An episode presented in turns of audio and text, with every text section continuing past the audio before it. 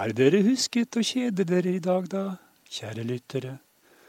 Hvis ikke, fortsett å høre på dette flåseriet med hjernen og stemmen. Her vrøvles og flåses det hver uke med en ny episode hver søndag. Jeg er stemmen, og jeg formidler det hjernen til enhver tid har flytende gjennom sin flisete og noe sprukne treskalle av en hjerne.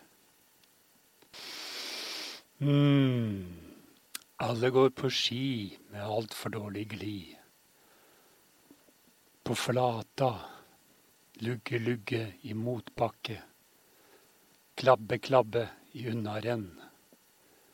Hva med å elektrifisere skiene, tenker hjernen. Han er elektrifiseringsoptimist. Alt skal jo elektrifiseres i hverdagen i Norge og i resten av verden nå for tiden. Vi har eh, alle sammen ting som går på batteri og kan lades opp. Og det blir stadig mer forskjellige ting som kan lades opp og gå på batteri, og har elmotorer innebygd. Dette med elektrifisering er jo selvfølgelig et tullete påfunn fra klimavernere og el elselskap, elprodusenter, som vil tjene mer penger. Klimavern er jo stort sett bare ute etter å få økt opp oppmerksomhet. Og komme med dette eh, klimaforandringspreiket sitt.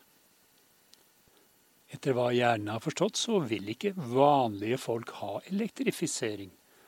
De vil ha gode, gamle forbrenningsmotorer som bruker opp eh, fossile drivmidler og spytter ut eh, farlige og uheldige røykskyer i eh, omgivelsene. Vi vil gjerne fortsette med bensindrevne mobiltelefoner, vi. Det er så mye bedre enn disse her tullete oppladbare greiene. Når det er sagt, så må nok også sies at hjernen egentlig er en elektrifiseringsoptimist som akkurat har kommet ut av skapet.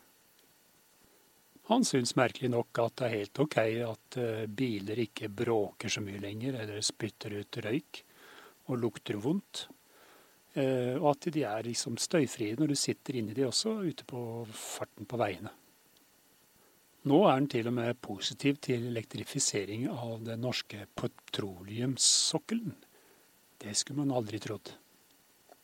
Denne innrømmelsen av at han har konvertert fra elektrifiseringspessimist til elektrifiseringsoptimist, satt veldig langt inne. Og strengt tatt så burde han jo ha fortalt dere om dette selv. Men han er jo stum, så da blir det min oppgave å fortelle det til dere. Det hjernen lurer mest på nå, er hva vi kan elektrifisere i neste omgang. Hva kan vi sette batterier i og elmotor i, og lage en plugg så vi kan lade det opp til enhver tid når vi trenger det? Hva kan vi finne på nå? Vi har jo gjort det med biler, vi har gjort det med busser, vi har gjort det med skip og fritidsbåter. Til og med begynt å elektrifisere fly og tog og en hel rekke andre gjenstander. Vi har jo elektrifiserte mobiltelefoner, ikke lenger bare sånne sveivetelefoner. Eller telefoner som går på diesel og bensin. Det er jo en fremgang, da, men det finnes så mye mer som kan elektrifiseres. Selvfølgelig har vi jo fått eh, elsykler. Det har vært en stor fremgang som har fått mange flere til å sykle enn før. Nå kan til og med latsabbene sykle uten å anstrenge seg noe særlig. Og det har jo selvfølgelig sine fordeler. Da er det færre som kjører bil og fyller opp veiene og lager kø. Og det er færre som tar eh, buss, sånn at eh, vi kan bli kvitt noen av de også. Det hadde jo vært fint. Vi burde gå eller sykle alle sammen. Elsparkesykler har vi også fått, så nå kryr det av de på gatene. Til irritasjon for en del, men også til glede for mange. Det var ikke mange sparkesykler å se før de ble elektrifisert, var det vel? Ikke det hjernen kan huske, iallfall. Til og med rullebrett har blitt elektrifisert, så de kan rulle med hjelp av en elmotor. Trenger ikke lenger å sparke fra eller finne en unnabakke for å kunne rulle av gårde. Hjernen tenker nå at det kan være naturlig å gå videre med elrulleskøyter. Det kunne jo vært en morsom greie, og særlig hvis du kan trimme disse, i likhet med trimming av, av sparkesykler. Det er jo selvfølgelig ulovlig, men det er jo det som er gøy med det. Eh, det er jo sånn at man gjør slikt med mopeder også. Fjerner blombering for at de skal gå fortere. Det er en eh, interessant sport.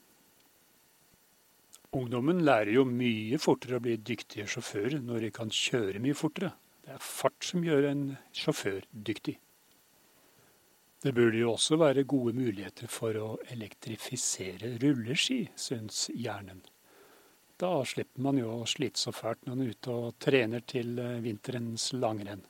Kan da liksom elmotorene gjøre jobben på egen hånd. Så har vi da kommet til det store poenget som Jern egentlig ville formidle. Og det er da at det er nesten ingen av vinterens eh, spesifiserte spesialtransportmidler for mennesker og varer som har blitt elektrifisert. Har vi sett elski ennå? Nei. Ikke sett snurten av det. Ingen har lansert noe sånt ennå. Det burde jo være en smal sak. Sett på en form for rullebånd der sålen går. Sett på en elmotor. Putt noen batterier inn, støpte inn i skia eh, der de er som tykkest. Og kjør i vei. Og disse rullene de kan jo ha noen slags gripeklaffer eller noe lignende, som da får skikkelig godt feste i snøen, uansett om det er skare eller eh, løssnø. At de har liksom en universal liksom, pigg, eller ikke pigg, men kanskje en skavle eller en, en form for haker som får godt feste uansett. Da har du aldri bakglatte ski lenger. Det, det, er det slutt på. Og det kladder ikke lenger, og om det gjør det, så bare freser du på litt ekstra, så spinner du opp bakken allikevel. Eller nedfor bakken, uten snev av lugging. Det krever jo selvfølgelig en viss evolusjon. Eh, kanskje man skal prøve å speede opp den evolusjonen litt, slik at eh, nordmenn, som jo er født med ski på beina, i fremtiden kan bli født med elski på beina. Og En av de veldig store fordelene med elski er at uh, smøring kan du bare droppe. Det, det er ingen heft lenger. Det trenger du ikke tenke på. Verken glidesmøring eller festesmøring. Det er rett og slett sålene med skovlene eller hakene eller piggene eller hva det er, som sørger for at du kommer deg fort frem uansett, og får feste uansett hvilke forhold det er. Og elski det kan jo også gi en veldig interessant utvikling for langrennssporten. Det er klart at uh, skøyting med elski er kanskje ikke det som er mest aktuelt, så den sportsgrenen kommer antagelig til å falle bort, skiskøytinga.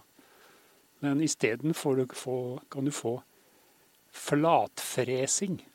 Altså der du spenner på deg elskia og freser av gårde på flata. Da gjelder det å gå ned i hockeystilling, som man sier på alpinspråk. Og det er eh, selvfølgelig de som har et eh, lavt tyngdepunkt, har et veldig spisst hode, smale skuldre og bred rumpe, som får den beste og minste luftmotstanden, og dermed har et fortrinn foran alle andre flatfreseskiløpere. Så vi tenker at 100 eh, km flatfresing kan bli en ny paradegren i vinter-OL. Eventuelt kan man også innføre maratonflatfresing. Det kan bli en fryd å se bredrumpa og spisshodede skiløpere i eh, kondomdrakter frese av gårde i vinterlandskapet. Det burde også være grei skuring å lage elslalåmski. Det er samme prinsippet, samme type såle. Kanskje litt mer fart, da. litt kraftigere motor og litt breiere rullebånd og såler. Eh, for å få liksom ordentlig fart gjennom løypene. Tenk deg hvor fort du kunne kjøre da, hvis du har liksom bare gi på ut av svingene med å gasse på så rullebåndet trøkker deg ut. Skyter ut av svingene, som de snakker om hele tida i kommentatorboksen. Få fart ut av svingene. Skyt ut av svingene. Det er poenget. Det kan tenke seg at de kanskje kan klare å kjøre opptil dobbelt så fort gjennom løypene, eller alternativt lage dobbelt så lange løyper, rett og slett. Man kan jo også tenke seg at det går an å lage inn en slags tilt-funksjon på rullebåndene, slik at skiene hjelper deg til å svinge, eller sålene, rullebåndene, hjelper deg å svinge. Og Da kan man jo bygge inn en sånn svingkontroll i stavene, slik at man justerer hvor mye sving man skal ta, hvor mye tilt sålene får når du går inn i en port. Alt dette innebærer jo en fullstendig omlegging både fra skiprodusentene og fra utøverne, så Henrik Christoffersen, et co, må nok belage seg på en helt annen teknikk i årene fremover. Og Da kan det også tenkes at ikke alle som klarer denne overgangen, og at det er nye skiløpere som ikke har lært seg den gamle teknikken og må avlære den, som blir de nye skistjernene i årene fremover. Snøbrett kan ganske sikkert også elektrifiseres etter samme prinsipp. Der man da kanskje kan gi litt ekstra guff på rullebåndet idet man nærmer seg hoppkanten, eller kanten av eh, tuben for å lage en ekstra høyt og luftig svev. Til og med langrennsstavene kan elektrifiseres med god effekt, mener hjernen.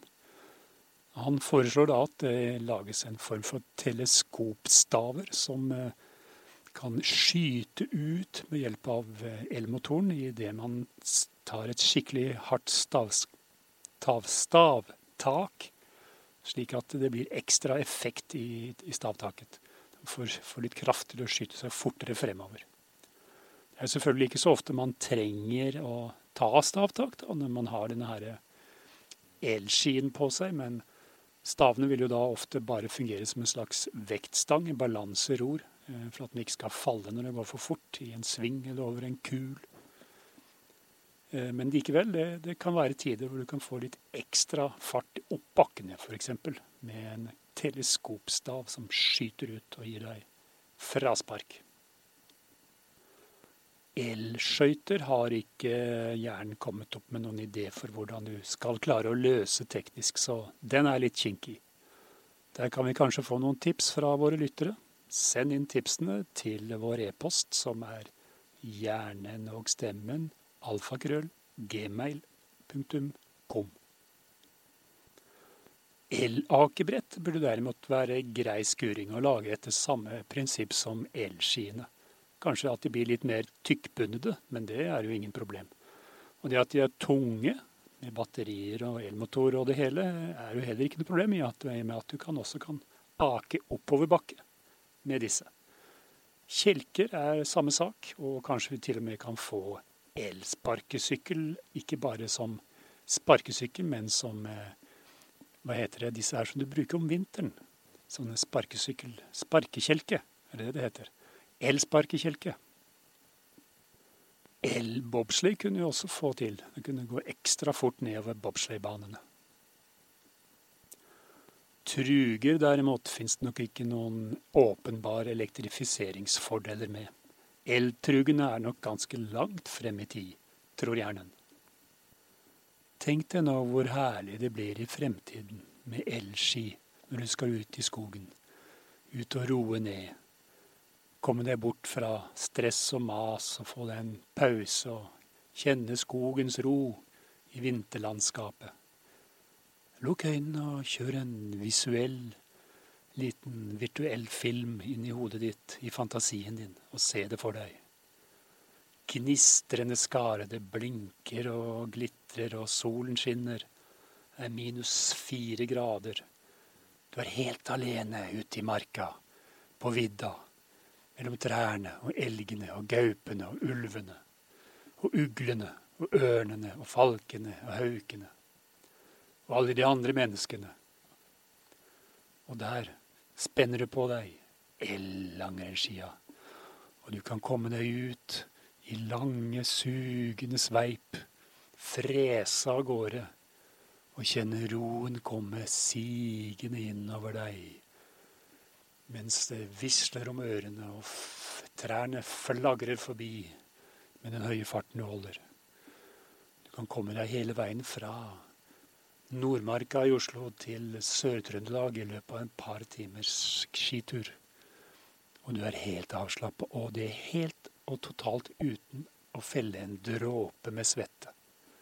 Uten å bli andpusten og rød i ansiktet og klam og fæl. Klø i skrittet og så gnagsår på hælene. Tenk så herlig. Prøv det da vel. Hjernen tipper at den skiprodusenten, av slalåmski i hvert fall, som kommer først på banen med elski, trolig vil være Elan. Om vi ser bort fra vintersport, så fins det jo også andre ting som ennå ikke er elektrifisert. Hvis vi tar og avrunder vintersportsiden med elhoppski, så er det ikke sikkert at det er så mange muligheter der, utenom kanskje litt ekstra fart i overrennet og ut hoppkanten med å gi litt på. Rullebånd, gi på. Eventuelt at du har en eller annen funksjon med noen flyteklaffer som felles ut, sånn at du svever litt lengre med skia. Eller en liten propell, da, helt bakerst. Gir deg skyvekraft, så du hopper lenger. Alternativt kan det være noen form for vifter under skia som eh, gir eh, deg litt trykk nedenfra, slik at du holder deg lenger oppe i lufta. Du skal ikke se bort fra at man må bygge 500 meters bakker i fremtiden. De som driver skiheiser i alpinanlegg, eh, må nok belage seg på en fullstendig omstilling, og heller satse på ladestasjoner som folk betaler for for hvem trenger heis når du kan kjøre like fort oppover som nedover? Kun med hjelp av skiene dine. Sånn i hverdagslivet for øvrig så er vel nesten alt elektrifisert. Vi var til og med veldig tidlig ute med elektriske stoler. Der finnes det nok fortsatt et utviklingspotensial i bruksområder.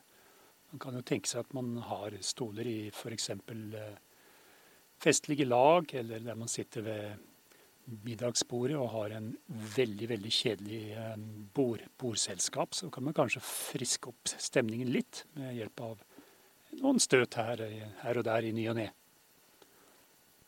Det kan også brukes til å holde folk våkne i forsamlinger der det er kjedelige forelesninger, eller i Stortinget for å holde politikerne våkne med noen friske støt innimellom.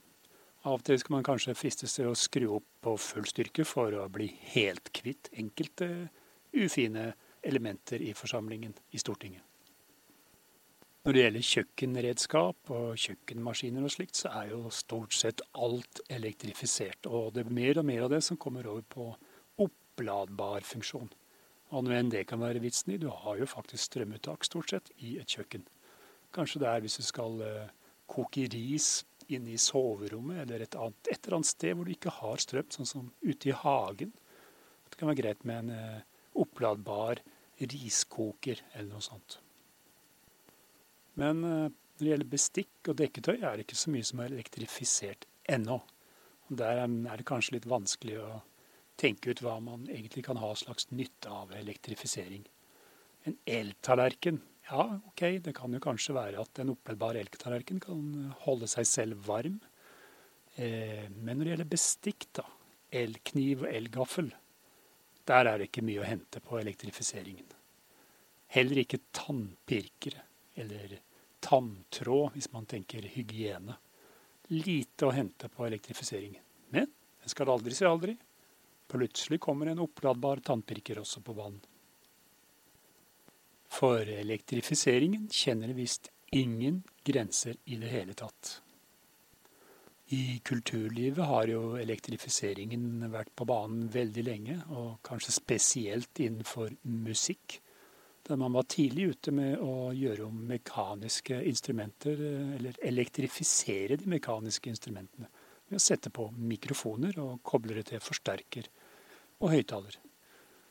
Da har vi jo elgitaren som et godt eksempel. Eh, og det er også da en rekke veldig kjente, og noen av de også veldig dyktige musikere, som har, har som kommet veldig langt innenfor elektrifisering. Da tenker vi bl.a. på Electric Light Orchestra, Elvis Costello, Elvis Presley, Ella Fitzgerald, Elmer James. Og selvfølgelig, for ikke å glemme, Charlie Watts. I og med at uh, Elton John følte seg forbigått, så, så vi, nevner vi han også i denne sammenhengen. Og nå fikk vi også akkurat inn en uh, melding her om at uh, Eldar Vågan gjerne også ville være med i den oversikten over musikere som er elektrifisert. For egen del kan vi også føye til punkebandet Kjøtt, som eh, i sin tid kom med sangen 'Høyspent, elektrisk og deilig'. Eller de sang iallfall 'Høyspent, elektrisk og deilig', hva nå enn sangens tittel var. Ah, ah, ah. Vi håper dere har senka skuldrene litt nå, kjære lesere. Får litt mer ro i kroppen her inne i vår lille støyfrie orase, oase vår lille beroligende pille i lydformat. Vi har noen minutter til der vi kan eh, få hvilepulsen ned imot komanivå, så vi fortsetter med neste tema som har falt hjernen, den tullingen, inn. Det er få ting som gjør mange av våre lesere så irritert og får pulsen så høyt opp som er overentusiastene. Hundretusenvis av klager fra leserne har flommet inn i innboksen vår om disse her overentusiastiske, overoptimistiske, altfor sprudlende, flagrende menneskene. Virkelig irriterende er gjennomgangstonen. Et navn som ofte går igjen, er Petter Stordalen. Ikke overraskende. Ja, men det er jo fint med optimisme og entusiasme, mener mange. Det er jo det som gir et løft, som får deg lyst til å ta et ekstra tak, som gir deg energi, som gir deg glede, som får deg til å sprudle. Det er jo bare positivt. Men nei. Ikke alltid. Ikke når de alltid er slik. Hver gang du treffer de. I alle sammenhenger uansett situasjon og vær og vind og føreforhold. Ifølge leserne, selvsagt. Hjernen kjenner en slik person. En kollega, ikke mindre, som han treffer hver arbeidsdag og flere ganger om dagen. Her en morgen da hjernen var skikkelig, fryktelig, forferdelig fyllesjuk etter en altfor sen og altfor våt langkveld på byen. Og i tillegg hadde pådratt seg en smule influensa. Og var gretten fordi det var flommet over av inkassokrav i posten. Og han snubla og slo tåa si noe halvårlig da han skulle stå opp om morgenen. Eller det var så vidt det var morgen. Han var jo selvfølgelig sterkt forsinka og måtte skynde seg. Slengte på seg, rakk ikke å verken vaske seg eller pusse tenner. Et kjapt blikk i speilet viste et bustekostskaft av bustekostskaft av en kroft og en bustekost hår på toppen. Med mørke, mørke, dypmørke, mørke, mørke, dypmørke, lillamørke ringer under øynene og blodskutte årer, som blod, blodårer som sto ut nesten som blinkende trafikklys i øynene. Skjelvende og skjeggstubbete og i helt elendig form, og derpå ufattelig, ubegripelig dårlig humør. Med dette så gikk han til jobben, ble spruta på av en bil som passerte, og møtte opp i døra. Og møtte selvfølgelig der, som den første som kom han i møte, eller som tilfeldigvis kom forbi, overentusiasten. Kollegaen som sprudler alltid. Neimen, hei, hvor kjekt å sjå deg da, Hjernen. Hvor fin du var i dag. Du ser så sprek og opplagt ut. Har du trena mye i det siste med den flotte kroppen din? Du er så kjekk, du er så fint å ha deg her. Å, så godt at du kom i dag òg. Og du er så dyktig, nå skal vi få til mange gode ting sammen, til samans. Jeg og deg, Hjernen. Kom igjen, så tar vi oss en kopp kaffe sammen, du og jeg. Slikt går ikke an. Det fungerer ikke. Den personen er sånn hver eneste dag, sier hjernen. Alle kjenner en sånn. En som alltid sprudler, alltid er opplagt, samme hva som skjer. Det er irriterende. Ved hjernens kollega så fortsatte det jo slik gjennom dagen. I møter, i, eh, ved kaffemaskinen, i lunsjen og i eh, alle slags situasjoner der de støtter på hverandre, f.eks. ved kopimaskin. Nei, så fort du kopierer! Du er flink på det her, du, hjernen! Hva ville skje hvis hjernen da faktisk hadde gjort noe virkelig, virkelig bra, eller sett ordentlig fresh og pigg ut med flotte klær og sveis og glitrende tenner og gjort en utrolig innsats som ingen har gjort, vært i nærheten av å gjøre før på, i arbeidsplassen. Hva, hvordan skulle han da markert det? Hvordan skulle han sprudle da og overentusiastisere da denne herre tullingen av en superoptimistisk fjott? Skulle han forandre seg selv til et fyrverkeri, f.eks.? Er det mulig? Går det an? Hjernen lærte noe den dagen. Han gikk inn i seg selv, inn i hjernen, grubla og tenkte så det knaka lenge og vel. Og til slutt kom han fram til en måte å slippe unna denne her følelsen av irritasjon hver gang han treffer denne kollegaen. Ekstrem irritasjon. Og sinne, ikke minst. Og lysten til å massakrere, hakke med kniv. Stor kniv, mange ganger. Rusten, sløv, stor kniv. Det er ingen følelse du vil ha. Den vil du helst bli kvitt. Men du kan ikke kvitte deg med opphavet til følelsen, så du må finne på noe annet. Det hjernen gjorde, var at han forestilte seg i en film inni sitt hode der han sto foran kollegaen, at han, kollegaen, sto inne i et slags akvarium med det store smilet sitt og de blide øynene og de veivende, gestikulerende armene sine, den hoppende entusiasmen, trippingen, dansingen der foran han i de fargerike klærne sine.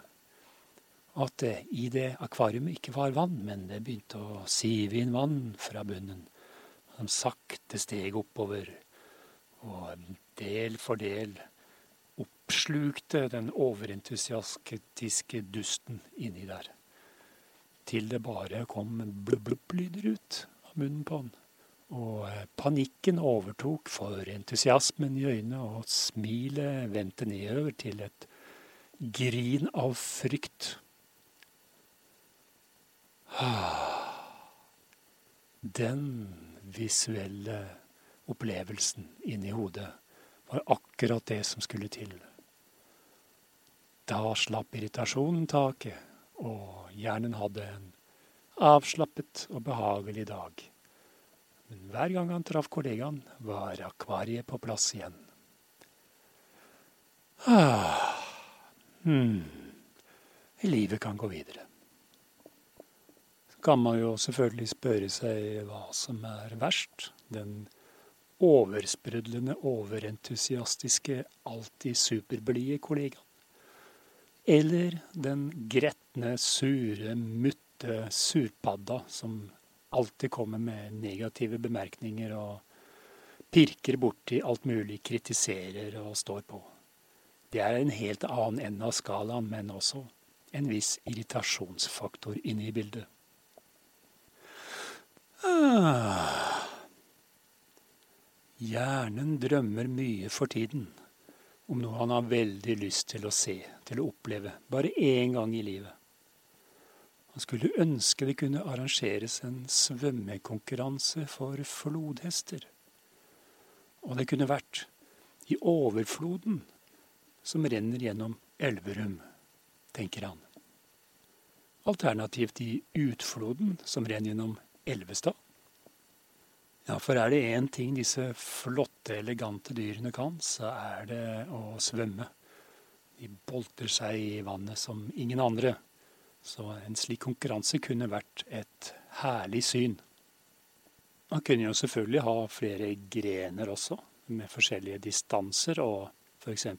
ryggsvømming, butterfly, brystsvømming, som antagelig er det enkleste for flodhestene. Crawling er kanskje noe som krever en lang trening for å tilegne seg den rette teknikken, med tanke på kroppsform og beinlengde osv. på disse dyra.